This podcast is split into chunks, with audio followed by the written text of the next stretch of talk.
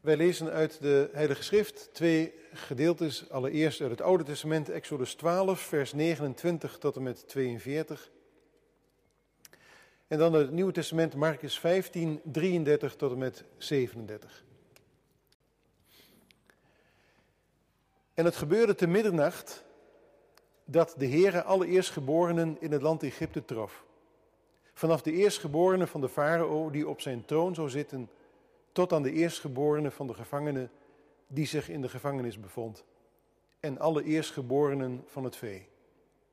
Toen stond de farao s'nachts op, hij en al zijn dienaren en alle Egyptenaren, en er was een luid geschreeuw in Egypte, want er was geen huis waarin geen dode was. En hij riep Mozes en Aaron in de nacht en zei, sta op, ga weg uit het midden van mijn volk, zowel u als de Israëlieten, en ga weg, dien de Heere zoals u gesproken hebt. Neem zowel uw kleinvee als uw runderen mee, zoals u gesproken hebt, en ga heen, maar zegen ook mij. De Egyptenaren drongen sterk aan bij het volk om het snel uit het land te laten gaan, want zij zeiden, wij gaan anders allemaal sterven. Toen pakte het volk zijn deeg op nog voor het gezuurd was. Hun baktrochen waren in hun kleren op hun schouders gebonden. De Israëlieten hadden gedaan overeenkomstig het woord van Mozes en hadden van de Egyptenaren zilveren voorwerpen, gouden voorwerpen en kleren gevraagd. Bovendien had de Heer het volk genade gegeven in de ogen van de Egyptenaren, zodat ze hun het gevraagde gaven. Zo beroofden zij de Egyptenaren. Zo trokken de Israëlieten van Ramses naar Sukkot ongeveer 600.000 man te voet, mannen alleen, vrouwen en kleine kinderen niet meegerekend. Ook trok een grote groep van mensen van allerlei herkomst met hen mee en kleinvee en runderen zeer veel vee. Zij bakten ongezuurde koeken van het deeg dat zij uit Egypte meegebracht hadden, want het was niet gezuurd omdat zij uit Egypte waren verdreven en niet hadden kunnen wachten en ook geen proviand voor zich hadden klaargemaakt. De verblijfsduur van de Israëlieten, de tijd die zij in Egypte gewoond hadden, was 430 jaar. En het gebeurde na verloop van 430 jaar, op dezezelfde dag gebeurde het. Alle legers van de Here zijn uit het land Egypte vertrokken. Een nacht van waken was dit voor de Here, om hen uit het land Egypte te leiden. Daarom is dit een nacht ter ere van de Here een waken voor alle Israëlieten, al hun generaties door. Tot zover uit Exodus 12, dan uit Marcus 15.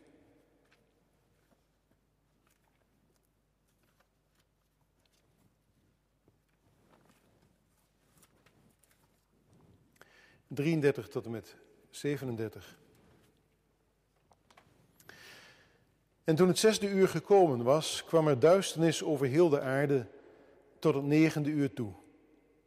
En op het negende uur riep Jezus met luide stem, Eloi, Eloi, lama sabachthani. Dat is vertaald, mijn God, mijn God, waarom hebt u mij verlaten? En sommige van hen die daarbij stonden en het hoorden, zeiden, zie, hij roept Elia. En er snelde iemand toe, vulde een spons met zure wijn, stak die op een rietstok en gaf hem te drinken. En hij zei, houd op, laten wij zien of Elia komt om hem eraf te nemen. En roepend met luide stem gaf Jezus de geest. De tekst voor de preek van deze morgen is uit Exodus 12 en daarvan vers 42. Exodus 12, vers 42. Waar het woord van de Heere luidt, een nacht van waken was dit voor de Heere, om hen uit het land Egypte te leiden. Daarom is dit een nacht ter ere van de Heere. Een waken voor alle Israëlieten, al hun generaties door.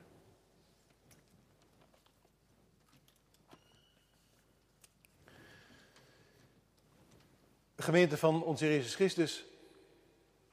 Doorgaans brengt de krant van morgen, dus de krant van maandag, hetzelfde nieuws als de krant van de maandag daarvoor en van de maandag daarvoor. En het is het nieuws, de berichten over inbraken en vechtpartijen en vernielingen die er nogal eens in het weekend plaatsvindt. En als je dan zo de berichten op de rij zet, dan uh, zie je dat veel van deze gebeurtenissen s'nachts plaatsvinden. Ik weet niet hoe u dat vergaat, maar als ik dat dan zo lees, dan heb ik daar ook wel zo mijn gedachten bij. Want ja, als je dan leest dat iemand uh, s'nachts om drie uur uh, van zaterdag op zondag in de binnenstad in elkaar geslagen is, ja, dat is wel heel beroerd natuurlijk. Maar ik denk, ja, wat doe je dan ook s'nachts om drie uur? En normaal mens ligt dan in bed toch? Misschien ben ik wel wat ouderwets opgevoed, maar volgens mijn vader, zei, die zei tegen mij, jongen, wat s'nachts over straat gaat, dat is niet veel soeps. Dus dan weet je dat vast. Maar het probleempje is wel dat de Heere God ook s'nachts over straat gaat. Want dat zegt de tekst van vanmorgen. God s'nachts op pad. Misschien heeft u al gedacht bij de lezing van de schrift uit Marcus. Uh, die man die is uh, niet goed op de hoogte van de tijd van het jaar, want dat hoort bij Goede Vrijdag. Maar het, het ging mij niet zozeer om de kruisiging als heilsfeit, als wel op wat daar gebeurt. Want opvallend is wel dat de beide grote gebeurtenissen van verlossing, de uittocht uit Egypte en ook de verlossing op Golgotha, dat het allebei in de nacht gebeurt. En Exodus hebben we gelezen, s'nachts. En op de Goede Vrijdag, midden op de dag, wordt het in één keer helemaal donker alsof het nacht is. En de vraag is, ja, waarom doet God dat eigenlijk allemaal s'nachts? Het thema van de preek van vanmorgen is God in de nacht. En de schrift zegt ons daarover in ieder geval drie zaken. Het eerste, dat is ook het eerste punt van de preek, dat God blijft wakker. En dat waken van God, dat brengt verlossing.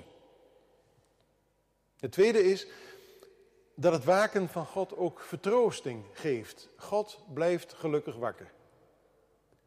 En het derde is dat het waken van God ook een verplichting met zich meebrengt. En de tekst zegt in 42, het was een nacht van waken voor de Heer, dus een nacht waarin de Heer wakker bleef.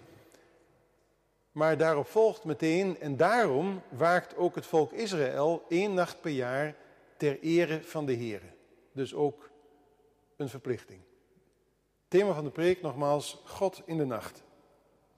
Als eerste, Gods waken brengt verlossing. Als tweede, Gods waken biedt vertroosting. En als derde, Gods waken schept verplichting. 430 jaar staat er. 430 jaar heeft de Heer gewacht met Israël uit Egypte te verlossen. En nu moet het dan ook allemaal in één nacht gebeuren. In een nacht. Ja, waarom is dat eigenlijk, s'nachts? Eh, u weet misschien ook wel, u hoort misschien wel bij die groep die zegt, ja, de nacht, dat kan best heilzaam zijn, een verademing. En s'nachts, als het mooi stil is en er is niemand met wie je moet praten en gelukkig ook niemand naar wie je moet luisteren, en daar even rustig de dingen van je leven, je gedachten op de rij kunt zetten. Nacht als een moment van bezinning, van stilte. Een nacht misschien wel om even met God te spreken. Wat langer dan overdag. Of wat je ook in de Bijbel tegenkomt, de nacht waarin God met mensen spreekt. Zoals de Heere s'nachts tot Samuel komt en hem roept in de nacht. Dus de nacht kan best goed zijn. Maar vaker in de Bijbel in ieder geval is de nacht niet goed. Is de nacht iets bedreigends. Het is in de nacht dat, en die heten niet voor niet zo, de machten van de duisternis, van de duisternis in actie komen. De Bijbel noemt de Satan de vorst der duisternis. Dus het ongedierte van de Satan en zijn rijk voert juist in de nacht de activiteiten op. En dat zal ook de reden zijn dat de Heere God juist in de nacht voor de verlossing zorgt. In Egypte en later ook op Golgotha. Gods grote daden zijn daden van verlossing. Maar verlossing betekent bevrijding van de vijand. En dan moet je op het juiste moment toeslaan als je de vijand de vernietigende slag wilt toebrengen. En daarom gaat God s'nachts over straat. God zoekt de vijand op diens eigen terrein op. Hij begeeft zich in het holst van de nacht, in het hol van de leeuw. Hij laat dus de vijanden niet komen, maar hij zoekt ze op en hij slaat dan toe. God gaat in de nacht op pad. En dat doet hij om te laten zien dat hij de baas is. Dat hij, zoals ook de wet begint, de Heere is. Dat hij het voor het zeggen heeft. De goden in de wereld rondom Israël, dat waren eigenlijk allemaal parttimers. Die goden in de wereld rondom Israël, dat waren net mensen. Er zijn van die mensen, misschien hoort ook wel bij, dat zijn echte ochtendmensen.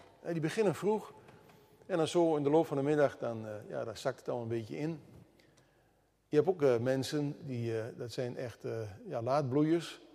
die slapen liefst uit en die kunnen toch heel laat doorgaan. Nou, dat was met die goden rondom Israël ook zo. Je had goden voor s'morgens en voor s'middags en voor s'nachts en zo. Allemaal parttimers. Maar de Heere God zegt, hoezo parttime? Ik ben fulltimer. Ik ben de Heer. 24 uur per dag. Het maakt mij niet uit hoe laat het is. Ook al is het midden in de nacht. Als ik toe wil slaan om te verlossen, dan kijk ik niet op de klok. Dan doe ik dat. Teken van Gods heerschappij. Dat God ook in de nacht rustig kan bevreden.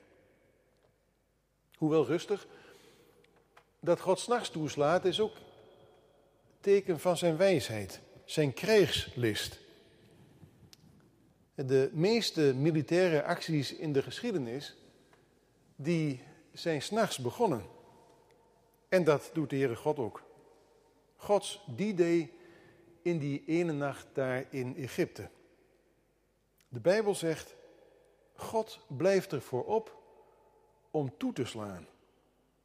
Dat betekent, gemeente, dat verlossing maar niet iets is wat de Heer er zo even bij doet, zo tussendoor.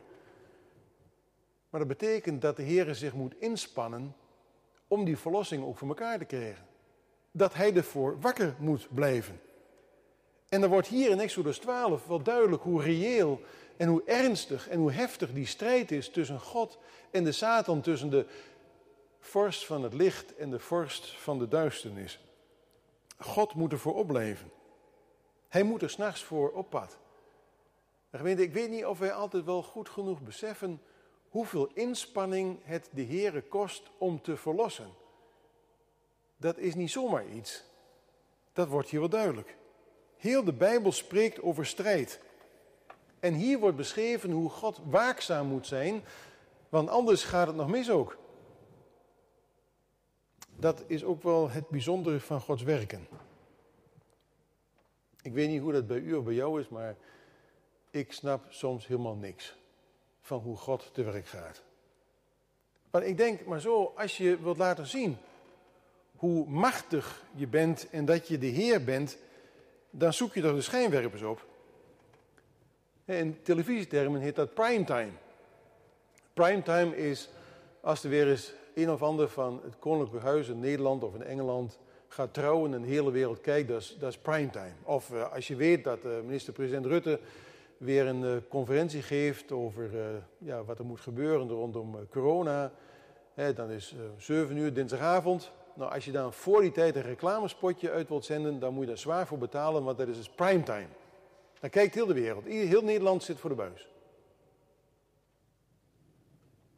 Gods primetime is als het donker is. Als er niemand meer kijkt. En dat snap ik niet. Is er een keer iets van Gods grootheid te zien, doet de lamp uit. Kan ik niet volgen. Dwaasheid. Aanstoot. Exodus. Golgotha. Gods grote daden gebeuren in het donker.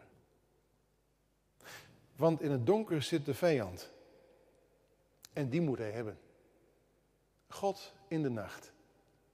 Want zijn volk zit in de nacht. En dat volk, dat wil hij bevrijden. En dat kan hij ook bevrijden. God werkt in het verborgene. Dat is het. En zichtbaar is zijn werk alleen maar voor het oog van het geloof. Voor verlichte ogen des harten. God is eerst in de nacht. En dan pas komt zijn primetime. En die komt fulltime, op de jongste dag. Want daarvan staat een openbaring, en er zal geen nacht meer zijn.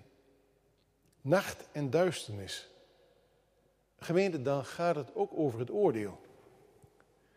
Want die geschiedenis die zegt dat die engel van verderf, die engel van de dood, die gaat rond in de nacht. En overal achter een deurpost waar geen bloed aan zit, daar slaat die engel toe. Het is de nacht van het oordeel. Zoals God op die goede vrijdagmiddag, midden op de middag, klaar ligt de dag, in één keer de duisternis laat komen als een teken dat het oordeel van de zonde van de wereld over zijn zoon komt. Zo is dat ook hier gemeente. Het oordeel. Scheiding. God brengt verlossing, maar verlossing betekent ook scheiding tussen hen die schuilen achter het bloed en zij die zeggen, ach, dat zal zijn vaart niet lopen. In de nacht brengt God verlossing. De deur naar het licht, naar het leven, de deur vanuit de dood van Egypte, vanuit de slavernij gaat open. En dan komt voor elke Israëliet de keuze. Dan moet het tot een keuze komen. Wat doe je? Blijf je of ga je? Schuil je achter het bloed of zeg je daar heb ik helemaal niks mee? En zo komt dat woord vanmorgen ook naar ons gemeente, naar u, naar jou en naar mij. De deur naar het licht gaat open. Ook in de preek van vanmorgen. In dit woord. Op dit moment. God waakt over de verlossing van zijn volk. God blijft wakker en hij schudt ons vanmorgen allemaal wakker. Wat doe je? Ga je mee naar het leven of blijf je in de dood? Volg je Jezus Christus als je verlosser of zeg je ik heb hem echt niet nodig? Blijf je in de duisternis of kom je mee op de weg naar het licht? Of zeg je, hoezo duisternis? Het is helemaal niet donker. Het is prachtig weer buiten. Het is licht in mijn leven. Het gaat allemaal prima. Duisternis, ik snap niet waar je het over hebt. Dat is dan wel ons probleem. Dat we niet beseffen dat we in de duisternis zitten. Iemand die in donker geboren wordt, die weet niet waar het licht is. Daarom is het ook zo lastig met zending en evangelisatie om mensen te vertellen over het licht als ze denken dat ze lang in het licht zijn. Daar moet dat van buiten komen, zoals het nu vandaag van buiten naar u, naar jou komt. Zoals de Heer van buitenaf in Egypte naar Israël komt en de deur opengooit en zegt, en nu eruit allemaal. Als je blijft, dan blijf je in de dood, in het verderf. Ik wijs je de weg naar het leven. Wat doe je?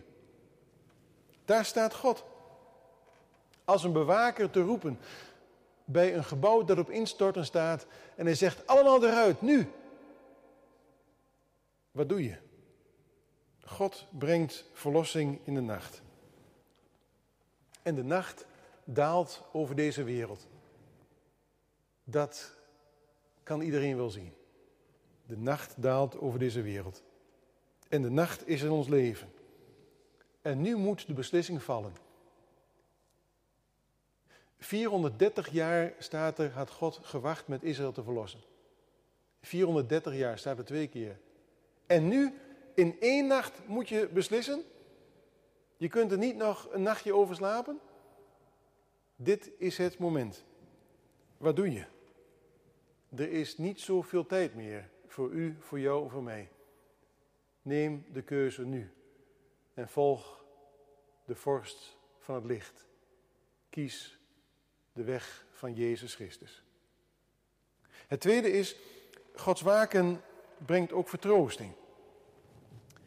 Als je leest, deze tekst, dan zie je hoe liefdevol onze God is. Want hij zegt niet, nou jongens, ik ga voorop en uh, als je wilt, dan kom je maar achter me aan. Nee, hij waakt en hij wacht. En die woorden moet je op je in laten werken, want dat Hebreeuwse woord die gebruikt wordt, het heeft uh, twee betekenissen. Het, dat is waken en bewaken. Dat is wakker blijven en erop passen.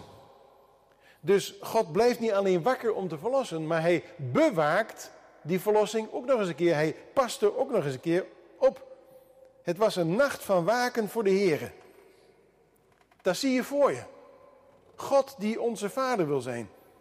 In de nacht staat hij daar, als het ware, aan de poort van Egypte en hij wacht en hij tuurt tot ook de laatste van zijn kinderen uit die ellende, uit die slavernij, uit dat rijk van de dood, uit Egypte vertrokken is. Dat is een heel andere God dan de goden van Egypte. De goden van toen, de goden van nu. De goden die zeggen, doe dit. En het komt goed. God zegt, ik doe het.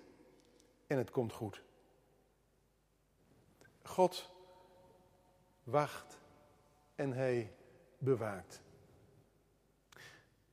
Ik denk, het beeld van zoals God hier zichzelf laat zien, is een beeld dat heel wat vaders en moeders wel zullen kennen. Als je s'avonds op je zoon of je dochter staat te wachten. Als je gezegd hebt, 11 eh, uur thuis. En het is kwart over elf. Wat ga je dan doen? Misschien doet u hetzelfde wel wat ik doe. Je gaat voor het raam staan.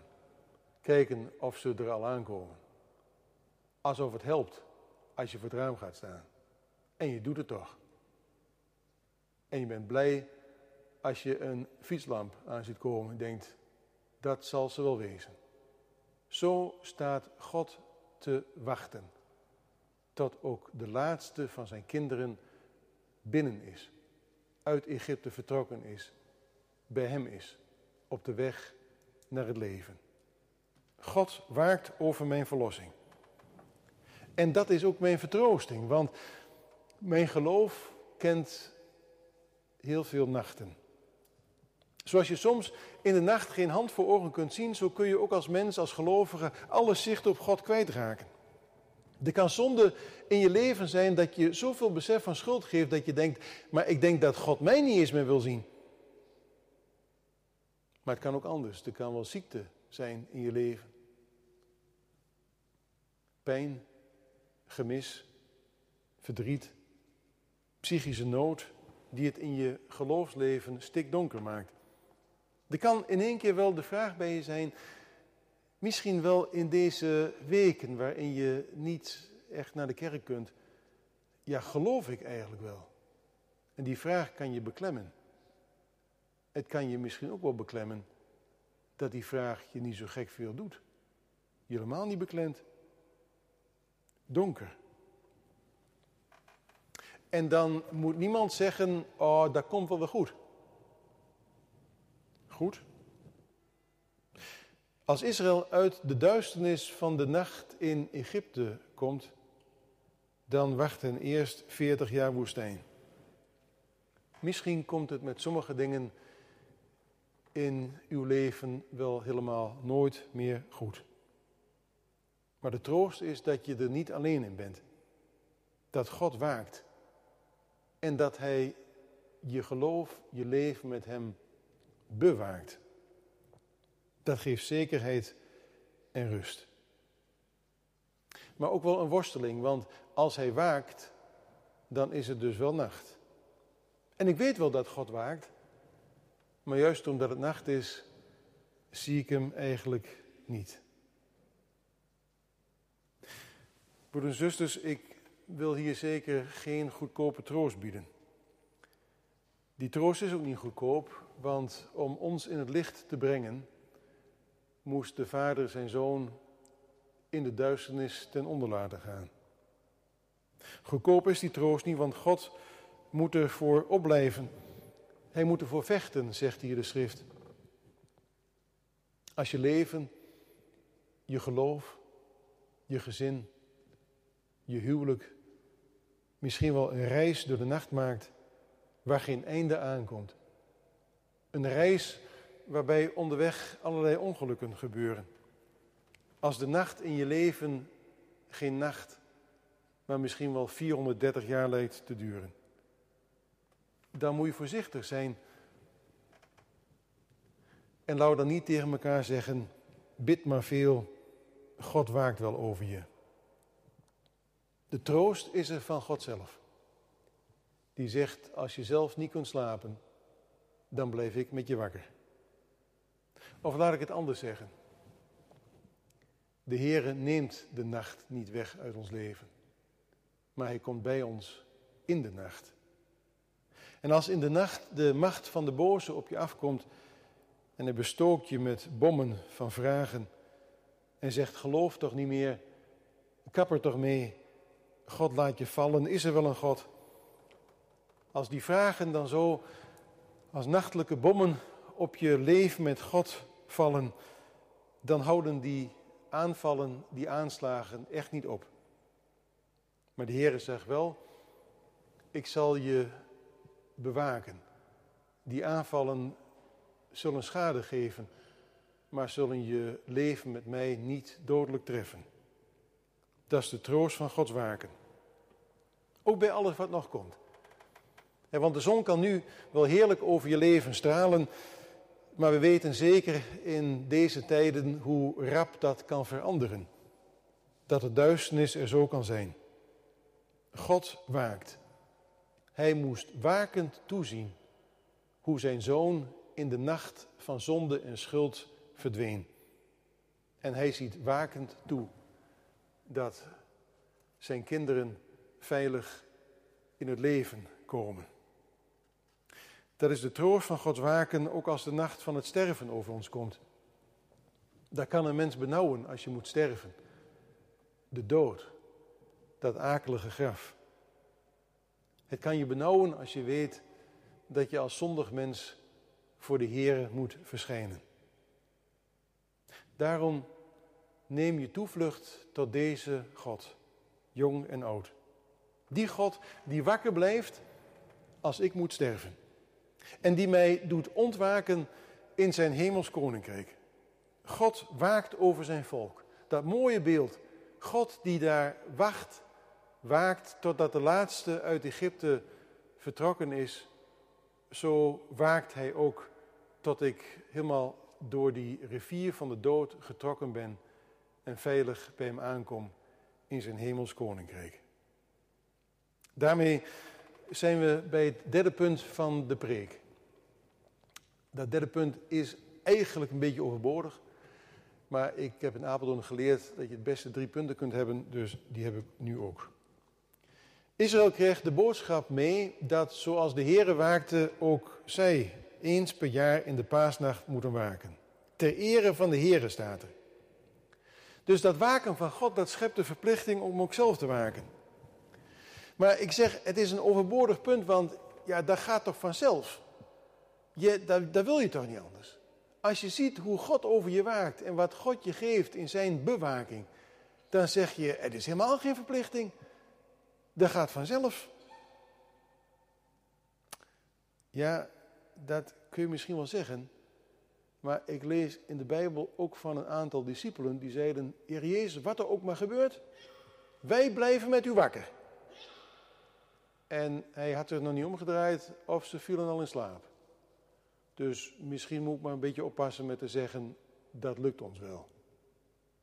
Misschien is het beter om te doen zoals Samuel. Die ook in de nacht tot de Heer kwam en zei: Heer, hier ben ik. Zeg het maar. De Heere waakt over zijn belofte.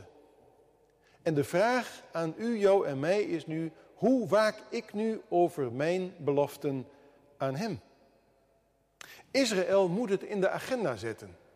Eén keer per jaar waken ter ere van de Heer. Misschien moesten wij dat ook maar doen. Gewoon op de kalender zetten. In je agenda, digitale kalender, kalender op de wc, in de keuken. Zet het er maar eens op. Waken over wat ik God beloofd heb. Trouw zijn. In gebed, in Bijbel lezen. Of laat ik het anders zeggen. Hoe is het met je belofte die je aan de Here deed toen je beleidenis deed? Broeders en zusters, hoe is het met onze belofte die wij deden bij de doop van onze kinderen, dat we een voorbeeld voor ze wilden zijn in christelijke levenswandel en in trouw in de kerkgang? Hoe is het met je belofte toen je zei, heren, als ik uit deze ellende kom, dan uh, maak ik 25 euro over naar een goed doel. Heb je dat al gedaan? Hoe is het met uw belofte toen u zei, heren, als ik weer beter mag worden, dan zal ik, komt dat ervan? Waken. Zet het in de agenda. Of beter, schrijf het in je hart. Waken over wat ik de Heere beloofd heb. En dan ook dat andere. Dat bewaken. De veroppassen. Dat er niks komt tussen God en jou. De veroppassen. Dat je niet omgaat met mensen die je juist weer terugbrengen in de duisternis. Die je van de weg met Jezus afbrengen. Dat moet ons waakzaam maken. Als je s'morgens wakker wordt, begin maar met de Heer. En als je s'avonds gaat slapen, zegt Heer, ik ga slapen, wilt u over mij waken. Het woord van Jezus aan zijn discipelen is een woord voor ons allemaal. Als hij zegt, waakt en bidt dat u niet in verzoeking komt. Wij zijn de Heer wat verplicht. Maar is dat wel het goede woord? Is het niet beter om te spreken over verlangen? Als je weet wie God voor je is, hoe Hij je bevrijd heeft uit de duisternis, uit de zonde, uit de schuld, je het leven heeft gegeven in het licht met Jezus, dan is er geen verplichting, dan is er een verlangen om Hem te dienen met je leven. Om te waken over je leven met Hem. Wie in de gevangenis heeft gezeten, die weet wel hoe kostbaar de vrijheid is. Wie van die beroerde nachten heeft, die weet wel hoe fijn het is als je ziet dat het wellicht wordt. Wie de Heere kent, die wil niks anders dan met Hem en voor Hem leven. Geen verplichting, maar verlangen. Ik hoef het niet op de agenda te zetten, want het hoort bij het ritme van het leven om de dingen met God te delen. En bovendien, het mooie van dit vers 42 is, zijn waken gaat voorop. Er staat niet, nou Israël, als jullie wakker blijven, dan doe ik het ook. Nee, genade is, Gods waken gaat voorop. Zijn bewaking gaat aan die van mij vooraf. Het leven uit de belofte en het waarmaken van mijn beloften aan God is niet iets om krampachtig mee om te gaan. Want heel mijn leven met vallen en opstaan wordt omgeven door zijn bewaking. En ook als ik het soms niet meer zie zitten, als ik soms zo tegenval, als ik in het geloofsleven denk, ik schiet ook geen fluit op in dat geloof, dan hoef ik niet in paniek te raken. Want dan vind ik genade in het waken van God. In de nacht komt het ongedierte tevoorschijn. In de nacht vinden inbraken en vechtpartijen plaats. In de nacht lijkt de boze de baas. En daarom is God in de nacht. Daarom gaat God s'nachts over straat. Om te bestrijden en te bevrijden. Om te verlossen en te vertroosten. Ik weet, in het geloof kun je soms geen hand voor ogen zien. Maar ik zeg u, lig er maar niet wakker van. Dat doet de Heer wel. Amen.